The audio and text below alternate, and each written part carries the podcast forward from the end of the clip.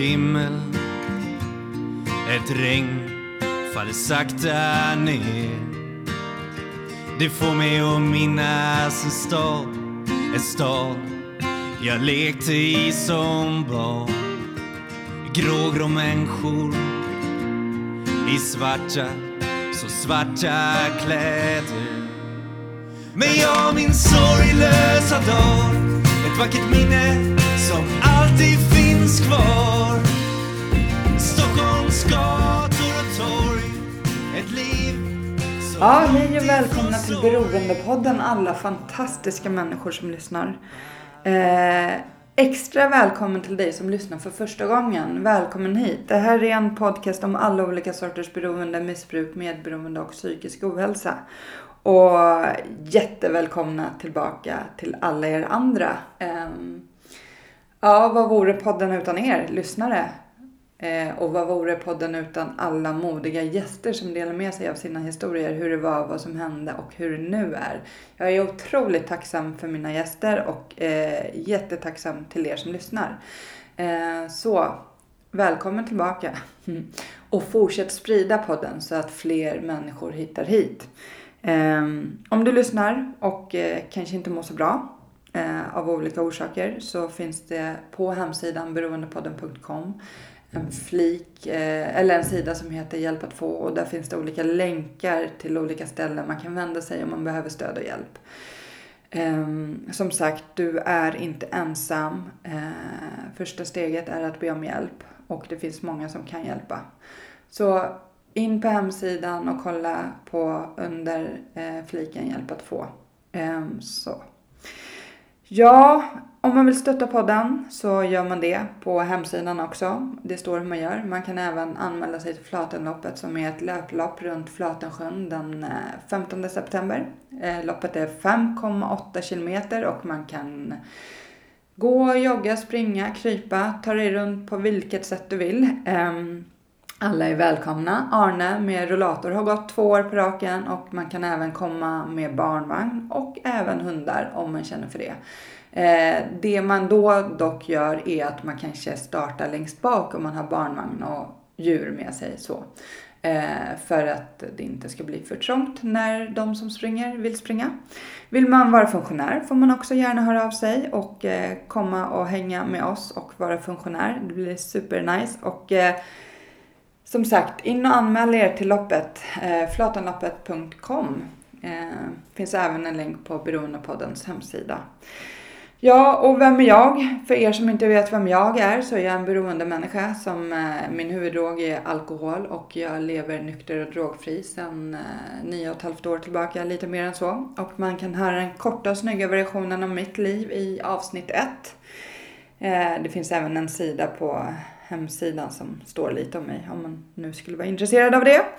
Eh, men eh, som sagt, eh, ja, jag ska släppa in dagens gäst och önska alla er en fortsatt trevlig dag.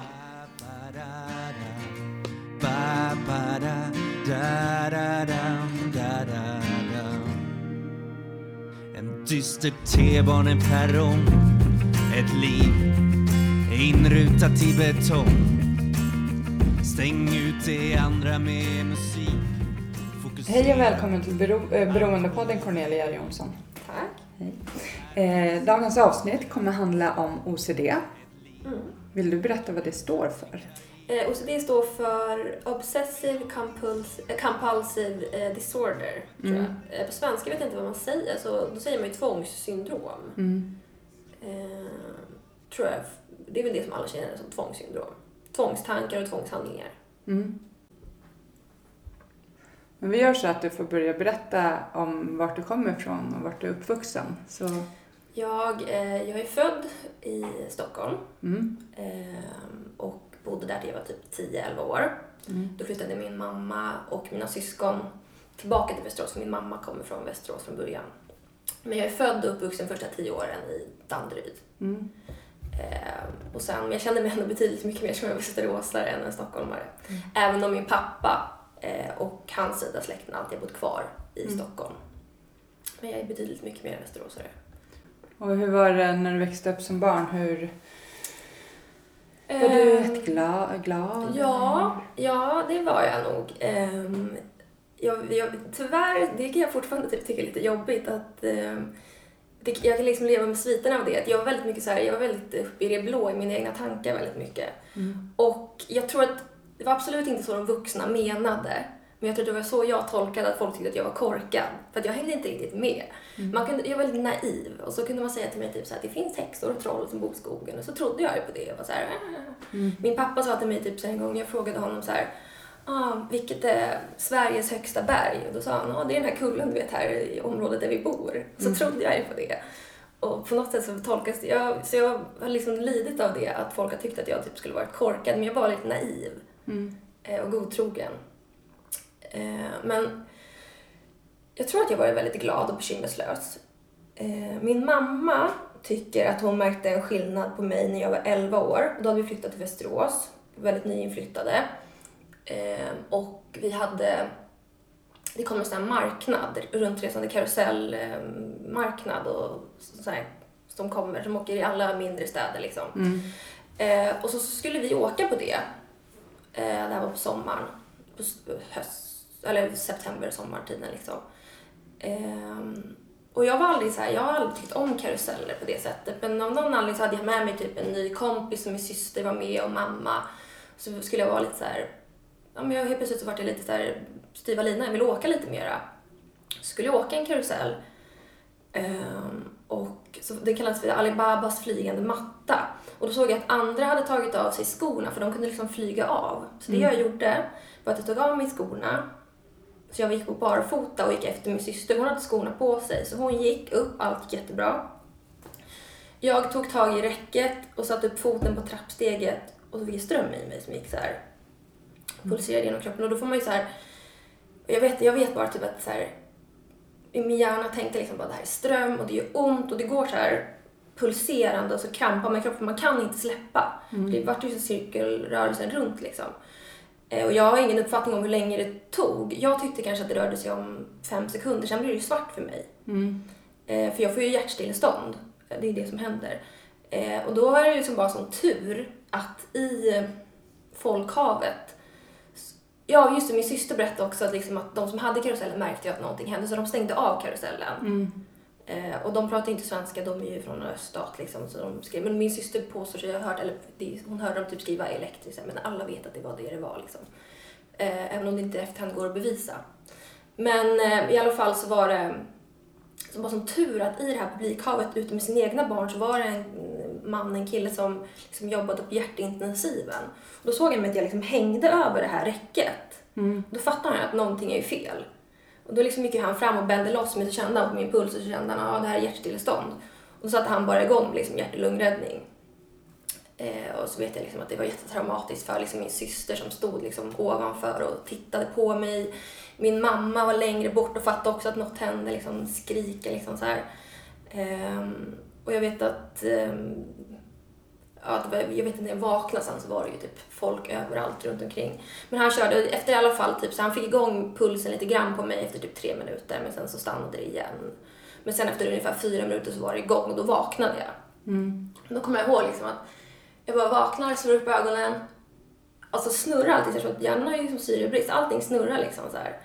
Och sen är det bara som ett okänt, i det här snurrandet så är det liksom ett okänt mansansikte som typ gråter och så pussar mig i pannan. Och jag bara letar efter mamma, mamma, var är mamma liksom?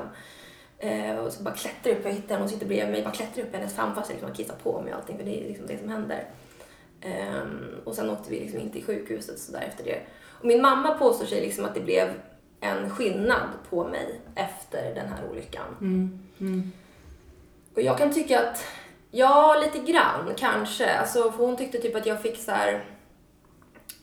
Jag fick mycket svårare med separationer. Jag tyckte det var jättejobbigt typ så här, inte veta vad hon var.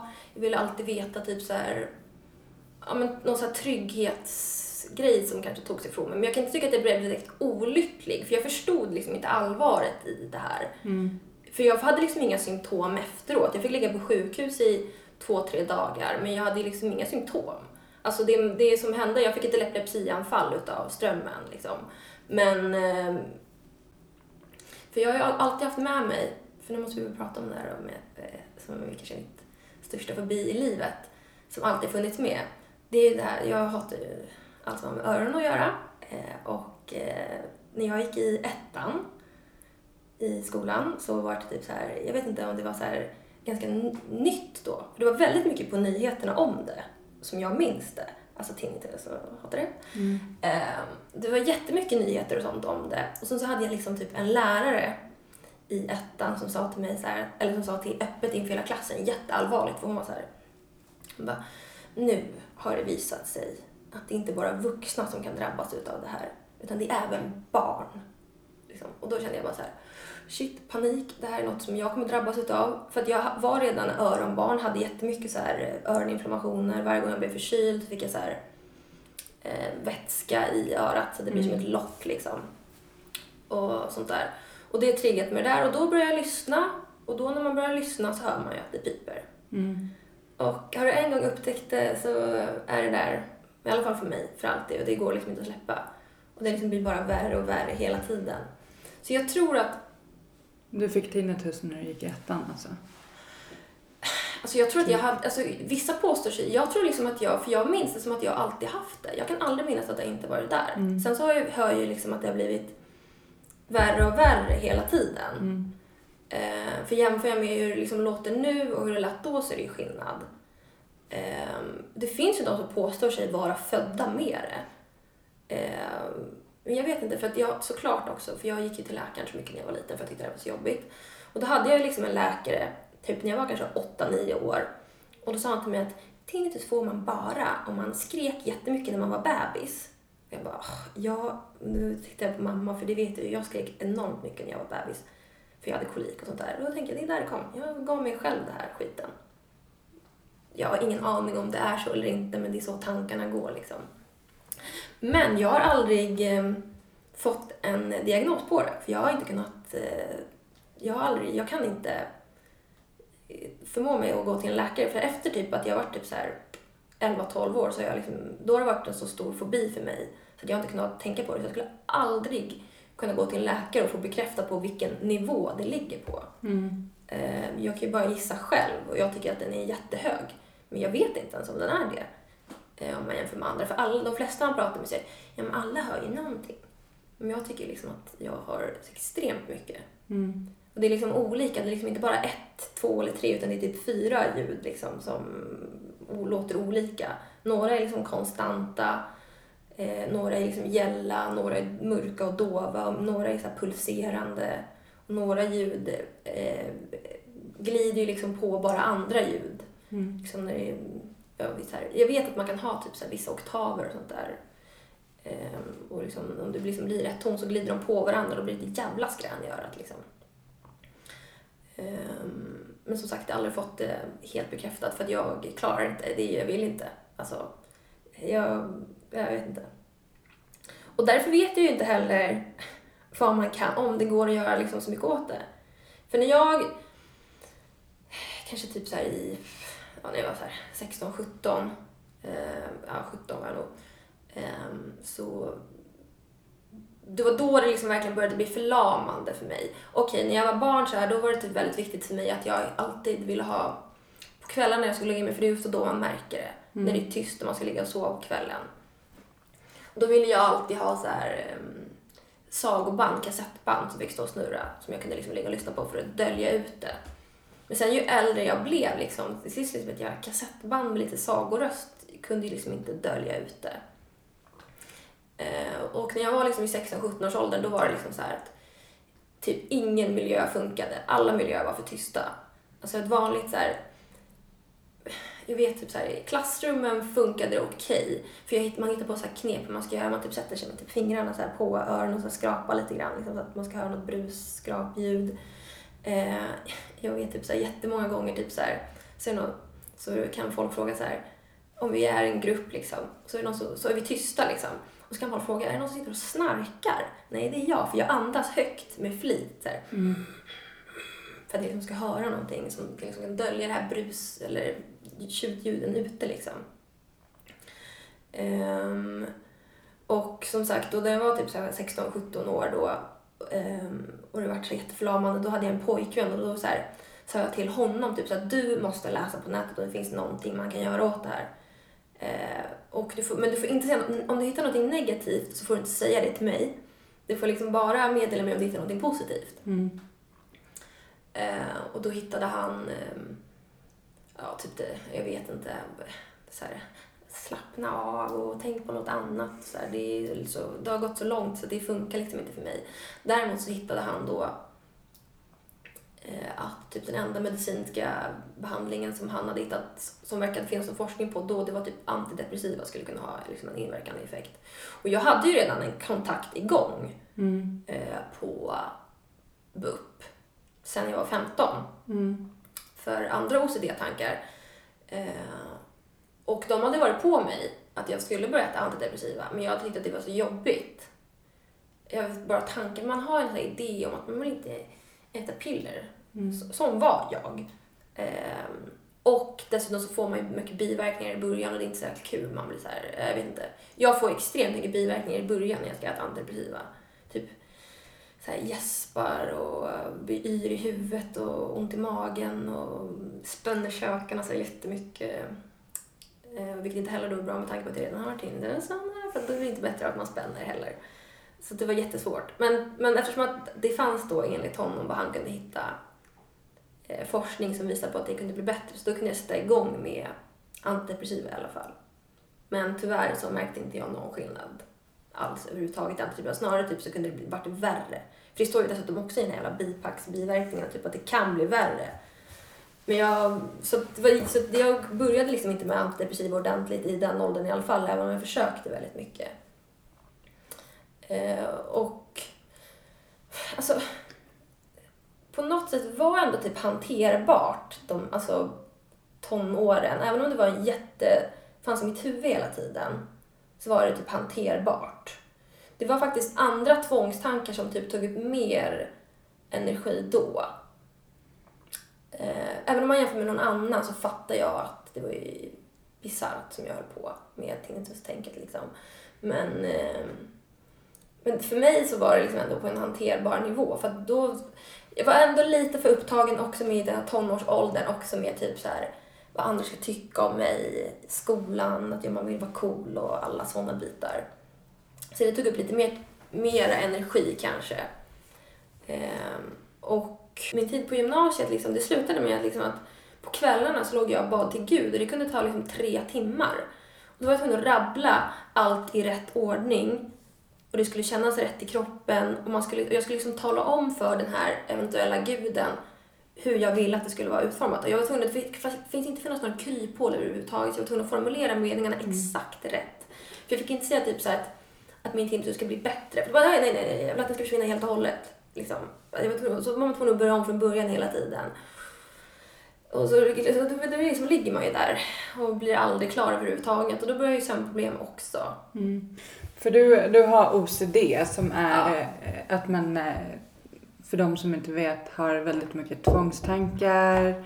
Och, och det, började, det började med din tinnitus men sen... Ja, det är den första, det är den första tvångstanken. Mm, För jag har inte haft så mycket tvångs... Eller jo, alltså tvångshandlingar. Alltså, många tänker ju typ det här... Trycka på en knapp. mm, På lampknappen och då kommer inte min mamma och pappa dö. Mm. Eller sånt där. Riktigt den har jag inte haft. Sådana tvångshandlingar. Jag har haft... Jag har mer haft um, tvångstankar och tvångs... Mm. Alltså, sen är det ju här, de här tankarna som jag ska tänka rätt är ju på något sätt en handling. mm, Men det har inte varit riktigt det här trycka på knappar mm, rätt så som kanske andra, eller så kanske som är det vanligaste eller som man tänker på när man har Mm. tvångstankar. Men jag har också, men jag har haft problem, alltså jag hatar olika sorters metall, mm, alltså mynt. Jag tycker jag mår illa vad jag tänker på det. Jag tycker det är oerhört äckligt, hatar det, kan inte röra det, det luktar så jävla illa, förlåt. Mm. Eh, hatar det. Och det är fortfarande så här, alltså, kommer aldrig, det går inte, det är det äckligaste jag vet. Jag drömmer mardrömmar om typ så att jag hittar mynt i min mat och sånt där. Mm, Alltså om vi skulle sitta vid det här bordet och så skulle vi sitta och äta och så skulle det ligga ett mynt här. Jag behövde inte röra det eller någonting. Då tappar jag matlusten. Jag vill inte äta. Det är äckligt. mm, Så jag har haft sådana tvångs eh, grejer också. Typ så här, tvätta händerna. Också väldigt mycket med utseendet. Särskilt i som sagt då tonårsåldern när sånt var så jäkla viktigt. Mm. Man liksom duschade i typ två timmar och man skulle ha i liksom hårinpackningar och liksom ögonbrynen var tvungna att vara perfekt plockade. Eh, och sådär. Och det, men det kopplar jag ihop, för det är inte riktigt jag. Det kopplade jag mer ihop med den åldern. Mm. Alltså att det var, gjorde till det uttrycket då. Mm. Sen har jag kvar lite sånt idag. Men det är liksom inte alls... Jag har ju inte haft den här, vad kallas det? BDD, body dysmorphic.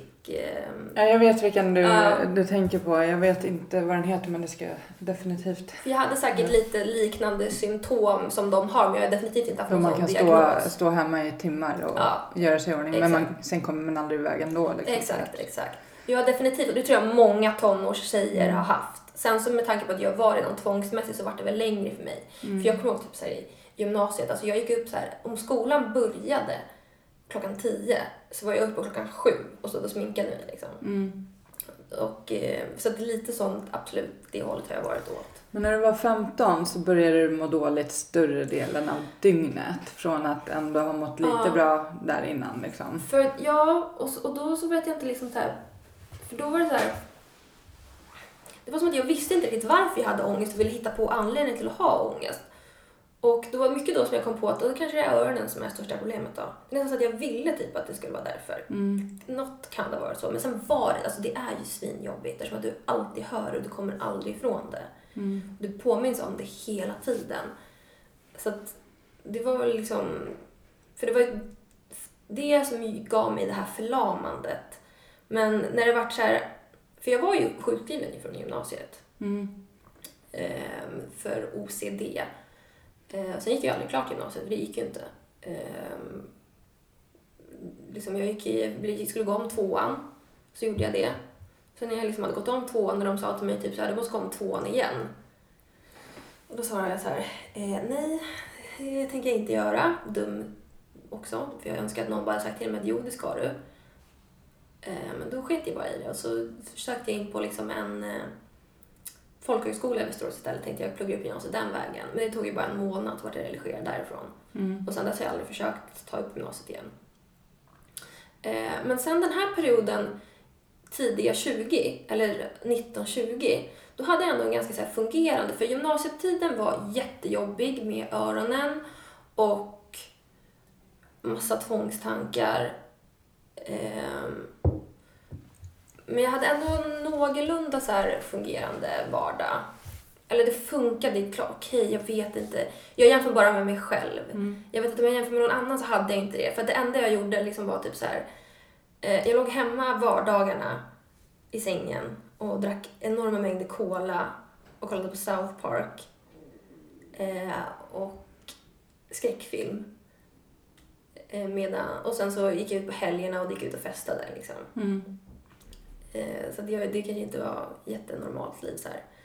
Men med mina mått mätta så var det ändå typ så att det fungerade eftersom att jag har varit extremt mycket mer förlamad än vad jag var då. Och sen i liksom 19-20-årsåldern då flyttade jag hemifrån, hade en pojkvän och då var det liksom mina bästa år tror jag. För då skaffade jag ett jobb.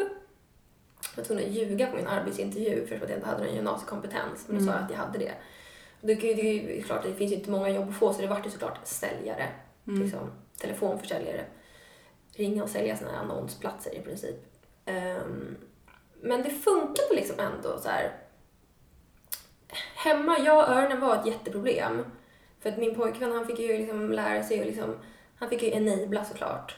Det var ju så här, jag hade en stor stationär dator som var trasig. Den funkade inte att använda. Det enda den gjorde var att den stod på i sovrummet och brummade. För att det liksom skulle vara det här bakgrundsbruset jag inte skulle kunna tänka på öronen liksom. Och, jag, han, och han fick såklart stå ut med mina panikångestattacker som kunde komma från ingenstans. Och när vi skulle på middag med hans familj och sådana där saker, då lärde ju han sig typ så att han lite diskret skulle föreslå att när vi satt och tog den här fördrinken så kan vi inte sätta på lite musik i bakgrunden? Så här. För jag ville ju absolut inte säga vad det var. Liksom. Så att han var ju väldigt mycket plåster till mig och hjälpte mig med det här. Vilket på ett sätt är negativt, men, men, eh, men det gjorde ju ändå att jag fungerade någorlunda eftersom att jag hade någon som så här, såg till att det var musik i bakgrunden, tog inte med mig på saker som han visste inte passade, funkade. Han sov i det här jävla bruset, alltid en massa ljud på hemma, han stod ut med det liksom. Eh, men det var liksom eh, när jag kände liksom att för, för, för det är ju säkerhetsbeteenden jag håller på med hemma.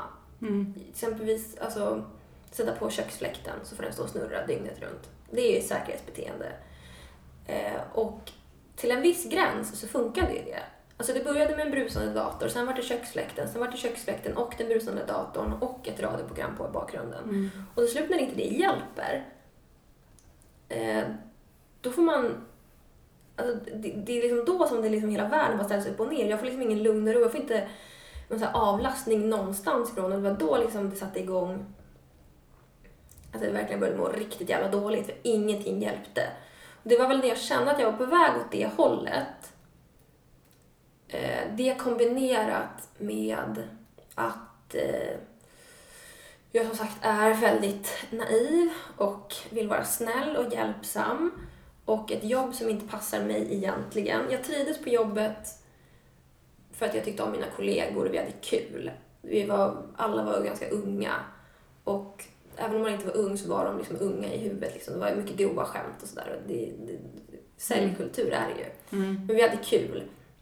Men jag tyckte inte alls om jobbet och det var, jag var, blev liksom bara sämre och sämre och sämre på jobbet. Eh, Jag började sova sämre och sämre hemma. Jag kommer ihåg liksom så här, för jag började inte leverera och det måste man göra om man vill tjäna pengar. Jag hade liksom en grundlön som jag klarade mig på i alla fall. Men det är ju inte mycket pengar så man är ju hela tiden så motiverad att du måste liksom sälja mera. Och, och bara det gör att det liksom blir så här kaka på kaka, du, då levererar man ingenting istället. Så jag vet liksom att um, ja, men det började med liksom typ så här att, jag hade, att jag satt i telefon med en kund. Och sen helt plötsligt liksom bara så här, så äh, ser jag typ så här en zebra kommer galopperande ut ur dataskärmen. Mm. Och då fattar jag, då, då, då liksom, fattar jag, jag sitter typ och drömmer, sover typ så här, i samtal med liksom en kund för att jag är så trött för att det går liksom inte att sova hemma eftersom att inga av de här säkerhetsbeteendena hjälpte mig. Så jag kunde verkligen aldrig slappna av och fick aldrig någon sömn. Ehm, och, så, och då fick jag ju såklart massa skit från chefen på det och sen bara liksom en kort tid efter sitter vi på ett möte, alla anställda.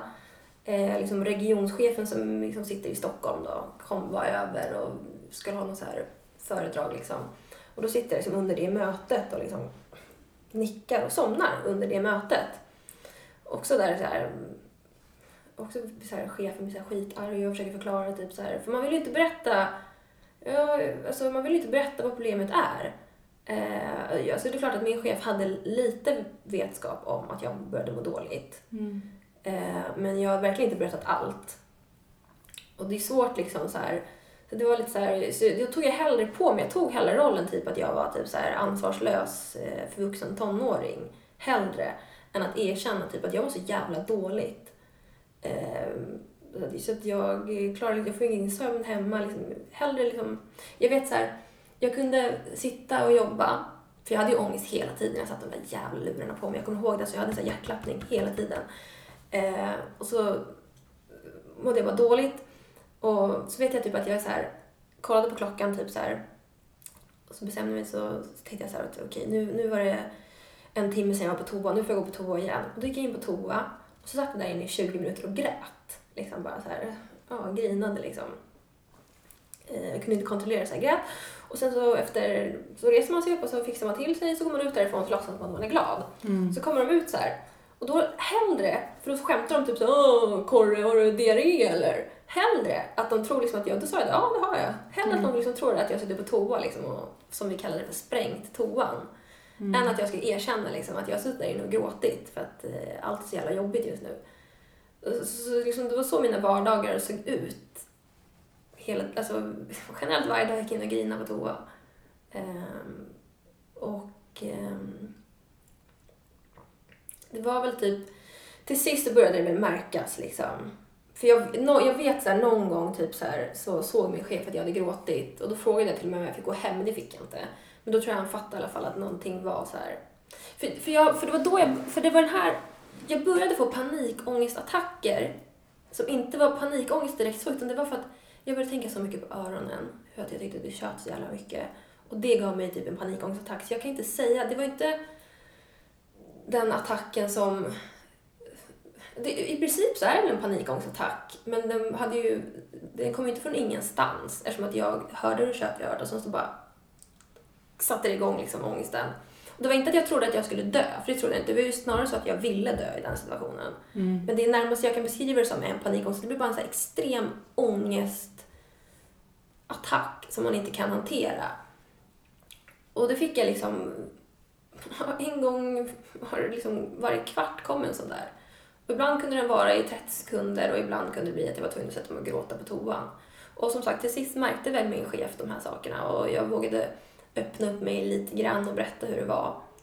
Ehm, och han hade lite förståelse. Och jag ehm, blev faktiskt sjukskriven på 25 procent tror jag eller sjukskriven. Typ så här, för att det skulle bli lite lättare att hantera. Ehm, och I kort, kort, kort, kort tag så kanske det funkade lite grann.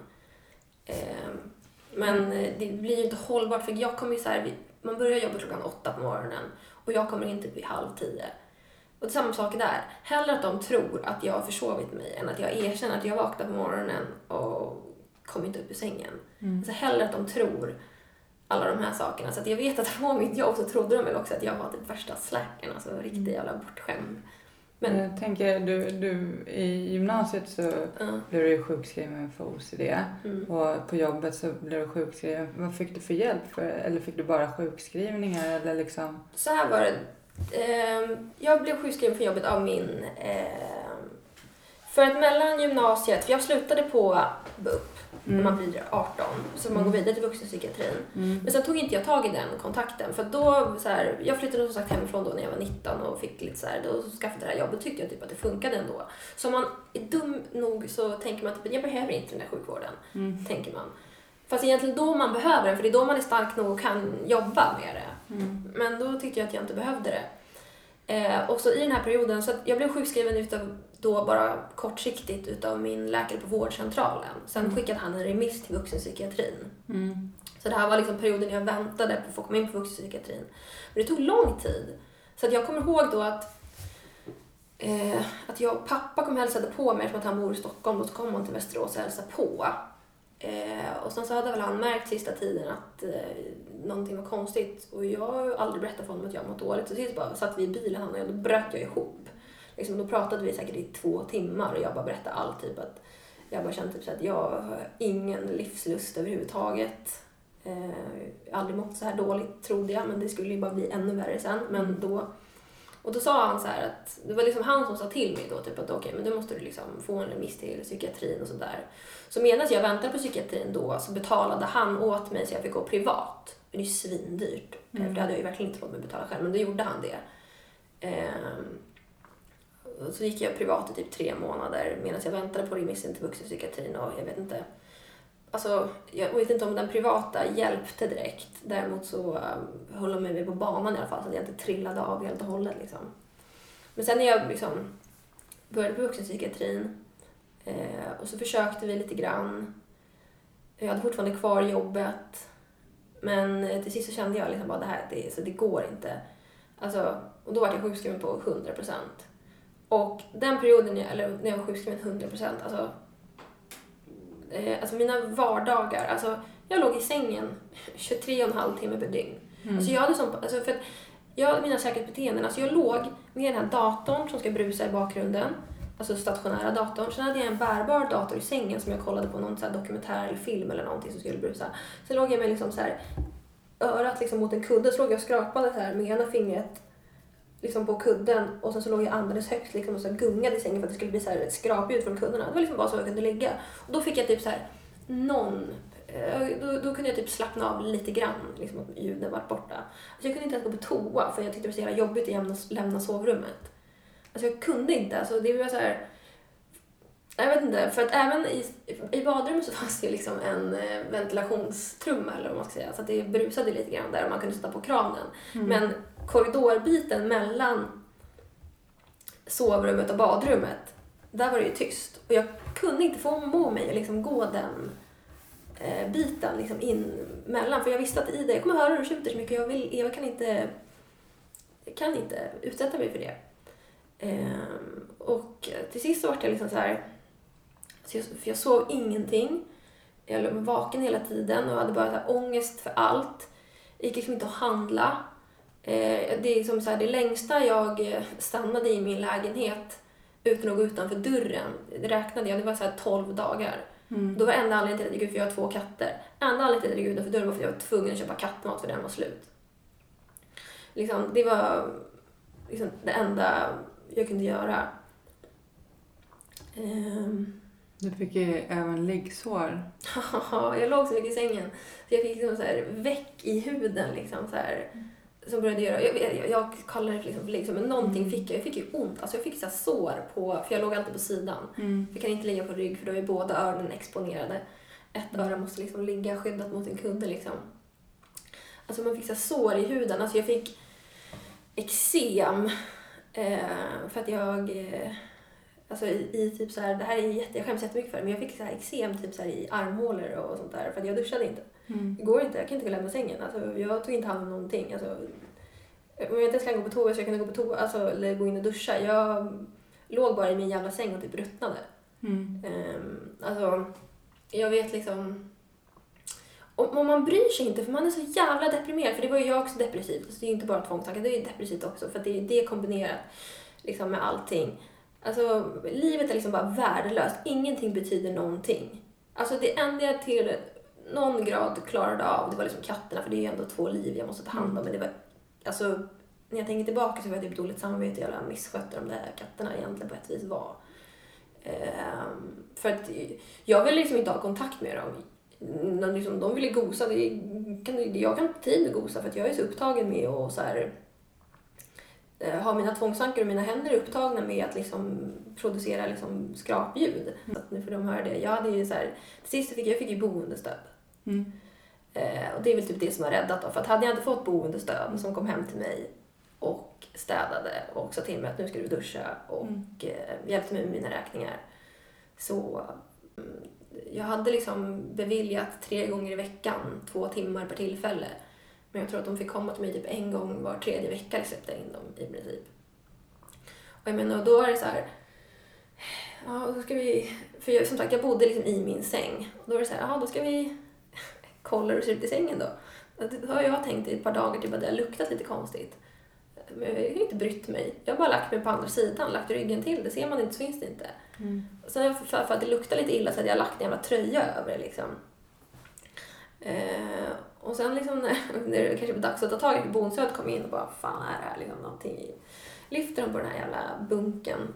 Så kollar de, då är det ju helt jävla mask alltså helt, det var så här vägg av mask liksom i hela jävla bunken. Jag, liksom, jag skämtar inte med att det var typ 500 000 maskar liksom i det där. Så jag liksom legat i min säng. Jag har liksom legat i det där. Inte brytt mig. Alltså, jag har sett någon jävla mask som kryper. Mm. Om man kollar liksom, liksom på den och sen så bara, ha, Mm. låter man den krypa vidare. För att man har liksom ingen...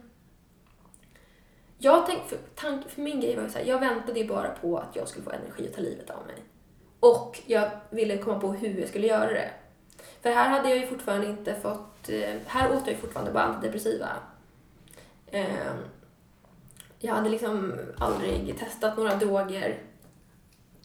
Eh, mer än det lilla som man kanske gör i tonåren, att man testar att röka lite marijuana och sånt där. Mm. Det, nej, sen så var det inte jättelångsiktigt, men det var ju ändå liksom, Ja, för du började missbruka ja. tabletterna. Inte, inte så här, alltså, in, inte eller inte, jo det är klart. Nej, man, jo jag missbrukade, ja. Alltså jag, för, för att självmedicinera ser jag det som Mm. att jag, Mm, jag ja. Men, absolut. Ja. för att liksom, men ja, alltså Mm. det, För jag, att få må bra. ja. Men berättade du på psykiatrin att du ville ta självmord? Och Ja, jag berättade, jag berättade, det var ju väldigt, för jag fick en jättebra psykiatriker och jag berättade väldigt mycket för honom. Ehm, och han visste, och det var han som sa sen, för att sen, för sen så, för tog tid innan jag eh, kunde berätta för honom att jag började inse att jag kanske har ett missbruk av tabletter. Mm. Jag har också en jättesvag minnesbild av att jag liksom har mitt på dagen så här, har jag gått till liksom min närmsta Hemköp och handlat hög på Benson. Och då har jag så här minnesbilder utav att, liksom att jag står och ska betala med de här korten. Alltså Still Nocten är det ju, för Still Nocten, det var ju ändå det som var min favorit. Mm. För att jag gillade att hallucinera. Eh, och, då, och då, då vet jag att jag står liksom där och sen nickar och sover och liksom ska betala. Och den, den gången fattar inte jag varför ingen som ringde någon. Mm. Alltså folk bara så här. Just, alltså, det är ju så jävla tydligt att jag är så jävla borta. Alltså, åh, gud jag mår dåligt när jag tänker på det. Så jävla vidrigt. Att ingen liksom gör någonting.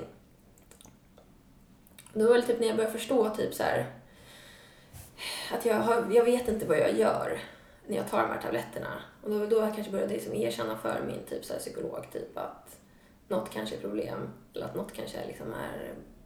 Jag fattar, det här kan bli farligt liksom. För jag var rädd att något kan ju hända. Är det någon jävla idiot som får för sig liksom att plocka upp mig så kan de ju göra det. Det är bara en tur att inget sånt har hänt. Um, men samtidigt så mådde jag ju så jävla dåligt och de här tabletterna var ju det enda som jag kände liksom gav mig någon typ så här avslappning överhuvudtaget. Så jag vet att min psykolog, han sa till och med till mig så här, att eftersom att jag var så jävla självmordsbenägen så sa han så här, att jag kan inte säga till dig att du måste sluta med de här tabletterna. Alltså, för att han förstod att det är typ din enda räddning just nu. Han sa att jag kan inte säga det här egentligen, men jag förstår liksom att Mm. jag kan inte tving, ta bort dem här ifrån dig. Så. För att det är typ bara det enda som gjorde att jag klarade av att överleva. Och varför jag inte blev inlagd den här tiden, det vet jag inte riktigt. Jag vet att det var att jag blev tillfrågad om jag ville, vilket jag alltid vägrade. Jag var ju självmordsbenägen, men ändå inte... För jag hade ju ändå, jag ville ju liksom inte göra det mot min familj. Jag, jag ville verkligen, alltså jag, jag visste typ, jag tänkte mycket på min så här brorsa typ så här. Han var liksom 18 år, liksom. jag ville liksom inte att han skulle börja sitt vuxenliv med att hans syrra liksom tog livet av sig.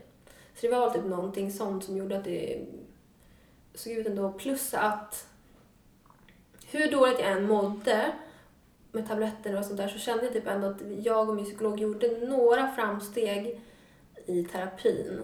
Så det var typ, då började jag känna typ så här att okej, um, det kanske finns hopp. Men jag tänkte, jag kan i alla fall testa. Jag kanske kan vara skyldig mig själv att ge det en ärlig chans. För det hade jag aldrig riktigt gjort. För när jag hade varit på BUP och sånt där innan. Jag hade alltid låtit alla så här psykiatriska behandlingar rinna ut i sanden. Jag hade aldrig varit inne i det helhjärtat. Eh, men så bestämde jag mig för liksom att nu, jag kanske ska... Jag kanske ska, jag kanske ska ge mig själv ett år. Och verkligen eh, ge, ge mig in i liksom eh, behandlingen och ta till mig den och göra allt han säger åt mig. Låta mig försöka liksom. För att, för att vad man ska göra för det här med Tinnitus-grejen då, att man ska exponera sig för den. Alltså det är ju, jag, alltså, jag har aldrig ens försökt göra något åt det, liksom lära mig hantera den. Eh, och hur kan jag då ta livet av mig på grund av tinnitusen om jag inte ens har försökt lära mig hantera den? Det enda jag har gjort är ju säkerhetsbeteende, men det vet ju jag liksom att det är ju helt fel sätt att gå. Man ska exponera sig, man ska ju man ska, för det, till sist så gjorde, fick vi göra det liksom att jag fick komma dit typ två gånger i veckan. Och sen så satte han mig bara i ett tyst behandlingsrum. Så fick jag ligga på en säng där inne i tystnaden. Eh, Jag hade liksom börjat komma någonstans i liksom terapin med tinnitusen. Oh, jag vet inte fortfarande jobbigt att säga. Man kan ju tro att jag inte har kommit någonstans med det. För att jag fortfarande tycker liksom bara ordet är jobbigt. Men där, alltså jag har kommit jättelångt. Mm. Ehm, vilket har gjort en så jävla skillnad för att jag vet inte vad det var som hände, det är typ två år sedan. Eh, och sen så gjorde vi liksom bara den här exponeringsterapin. Och alltså det var så jävla jobbigt. Alltså jag var så jävla arg på min psykolog. Jag tyckte typ att han kunde dra åt helvete liksom. För att jag, alltså han kom ju hem till mig. Och jag kan inte säga vad det var som gjorde att det var skillnad. Det var väl liksom en kombination av flera saker liksom. Men att men jag hade inte, alltså psykologen, alltså han kom hem till mig och körde terapi hemma hos mig. Jag fick liksom ligga i min säng så vi kan sitta ute i vardagsrummet. fick jag bara ligga där inne. Och så gör man små, små, små framsteg. Och pappa sa till mig en dag så här också att, för det var så här att från att må dåligt 23,5 timmar per dygn så började jag må dåligt 23 timmar per dygn. Och sen så började jag må dåligt 22,5 timmar per dygn. Alltså pappa sa till mig det kommer gå långsamt, det kommer bli en halvtimme bättre då och då hela tiden. Och det var det att jag fick de här stunderna som gav mig så jävla mycket hopp. Och det hjälpte. Och så liksom typ så här, för helt plötsligt så, så kunde jag liksom ha legat i sängen i en kvart utan att tänka på att det tjöt i öronen. Och sen så började jag tänka på det så var det jättejobbigt igen. Men jag kunde vara så jävla lycklig för att det hade gått en kvart utan att jag tänkte på det. Men sen började du ju med något annat också. Måla. Du börjar måla. Ja, jag ska, egentligen så är det också en jätteräddning. Ja. Jag måste ju prata om det.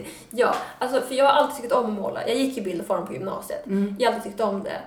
Eh, men sen i takt, eller men sen också när man flyttade hemifrån, då slutade jag hålla på att måla för att jag hade inte tid. Alltså du har ett 8 till 5 jobb, Mm. det fanns liksom inte. Eh, och sen så mådde jag för dåligt. För att när jag mådde som allra sämst så fanns inte, då kunde jag inte sätta mig och hålla på med den där jävla skiten. Alltså, det fanns inte. Men sen, för också det, för att måla gör jag i eh, mitt kök, i mitt köksbord. Jag har liksom inget köksbord, det är mitt målarbord, jag äter inte mat där. Mm. Eh, men jag kunde inte vara där, jag kunde inte lämna sovrummet, så det fanns ju inte på världskartan att jag skulle måla.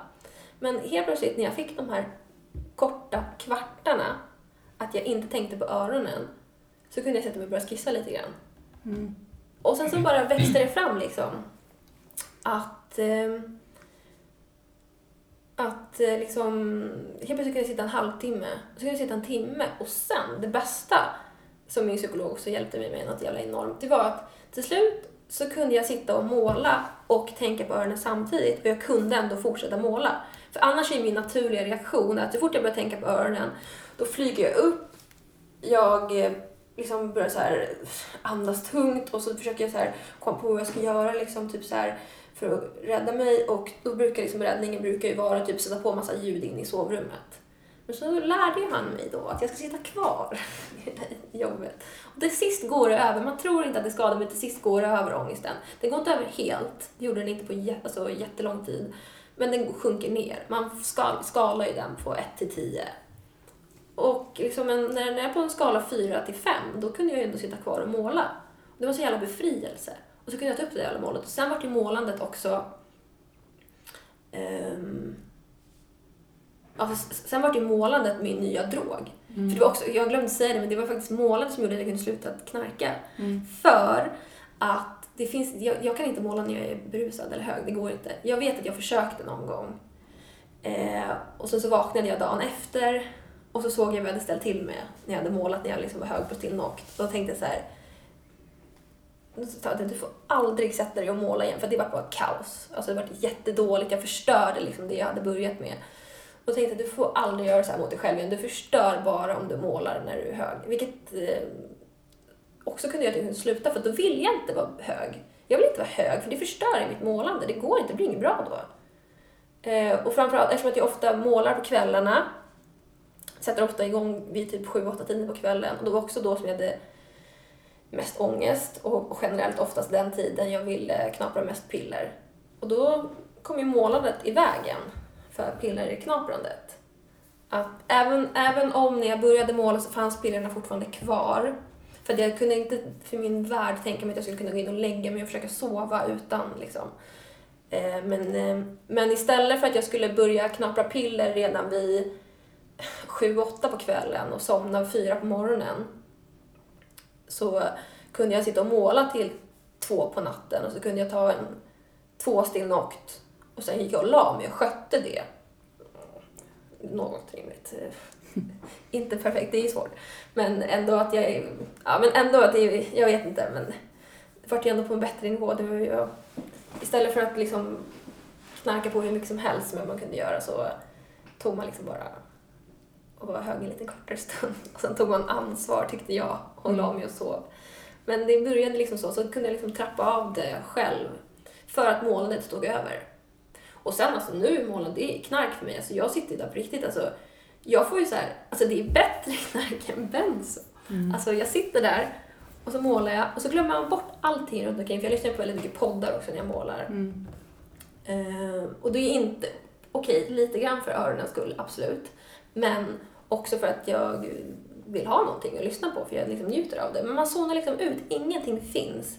Och jag sitter där och jag får så här euforirus liksom som går i kroppen när jag målar.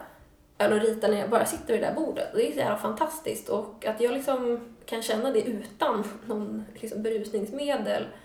Och till trots att jag har så mycket jävla tvångstankar och tinnitus-tänk liksom. Det, jag vet inte, det är som att jag som sagt får tillbaka ett liv som jag inte trodde. Jag trodde inte att det fanns. Jag, nej, alltså trodde inte att det skulle gå. Och, och jag har ju sett dina bilder och som jag sa innan nu, jag sett på inspelningen, du är ju en fantastisk konstnär. Alltså det är helt otroligt. Jag skulle vilja ha alla dina bilder på väggarna här hemma. Alltså jag målade ju. Och så, så tänker man typ så här att man producerar en massa, så tänker man, "Ah, vad fan ska jag göra med det här då? liksom. Mm. Då började jag lägga ut det på Instagram. Mm. Och då gick det ganska så här. Helt plötsligt så bara, bara typ så här, började det trilla in människor som typ så här gav jättemycket beröm och typ så här, tyckte man var jätteduktig så bara började det så här trilla in följare och sånt där. Då blev man ju så här jätteglad. Då var man ju triggad av det också. Så, så, så att lång tid så fick Instagram ändå vara, eftersom det är folkskygg, Mm. så lång tid fick Instagram typ vara mitt liksom, online-galleri på något vis. Det är först nu jag känner att jag faktiskt kan ha ett riktigt vernissage. Mm. Ehm, så det är som sagt, det är tack vare Instagram som jag kan göra det, måla idag. Vilket är jättekul. Nu har jag liksom webbshop där jag säljer prints Mm. och sen så säljer jag original på Mm. beställning. Mm. Vad, vad heter du på Instagram? Ifall man vill eh, hitta, eh, hitta dig. brud. Kristi brud. Mm. Du har över 17 000 följare där. Det är nej, superfina. Och vad heter hemsidan då? Ha- Heter Eh, den? Heter murderartshop.com. Mm. Mm. Eh, Jag gillar ju lite morbida Mm. tankar och sådär. Till mitt försvar så hette jag Kristi brud på Instagram, Instagram innan, när det bara var mina kompisar som följde. Mm. Och sen så känner jag att jag kan inte byta nu i efterhand. Mm. För att det är för att folk känner igen mig som det. Mm. Så det går inte. Sen är det ett lite kul artistnamn också. Ja, ja, ja. ja. Nej, men alltså, och jag kan säga till er som lyssnar att ni måste gå in eh, på din Instagram och på hemsidan och bara kolla vilka fantastiska tavlor du gör. Ehm, Men så, så alltså vilken historia du har. Och det, du är ett mirakel. Att få tillbaka ett liv för alltså, så långt det gick för dig. Och Mm. det, Ja, jag blev ju så isolerad. Jag sket ju totalt i omvärlden. mm. Fanns inte. Mm.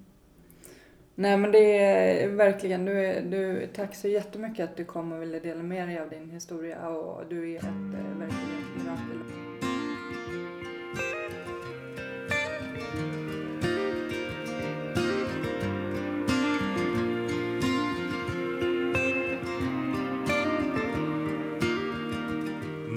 Himmel. Ett regn faller sakta ner. Det får mig att minnas en stad En stad jag lekte i som barn. Grågrå människor i svarta, så svarta kläder. Men jag min sorglösa dag Ett vackert minne som alltid finns kvar. Stockholms gator och torg Ett liv så långt ifrån sorg. Ba ba da da ba ba da da ba ba da da da da da da da ba ba da da ba ba da da ba ba da da da da da. En dyster T-baneperrong Ett liv inrutat i betong. Stäng ut det andra med musik. Fokusera allt på att bli rik. Här finns en dyster atmosfär.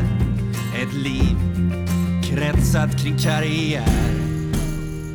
Men jag min sorglösa dag. Ett vackert minne som alltid finns. Kvar. Stockholms gator och torg Ett liv så långt ifrån sorg. Ba ba da da. Ba ba da da. Ba ba da da da da da da da. Ba ba da da. Ba ba da da. Ba ba da da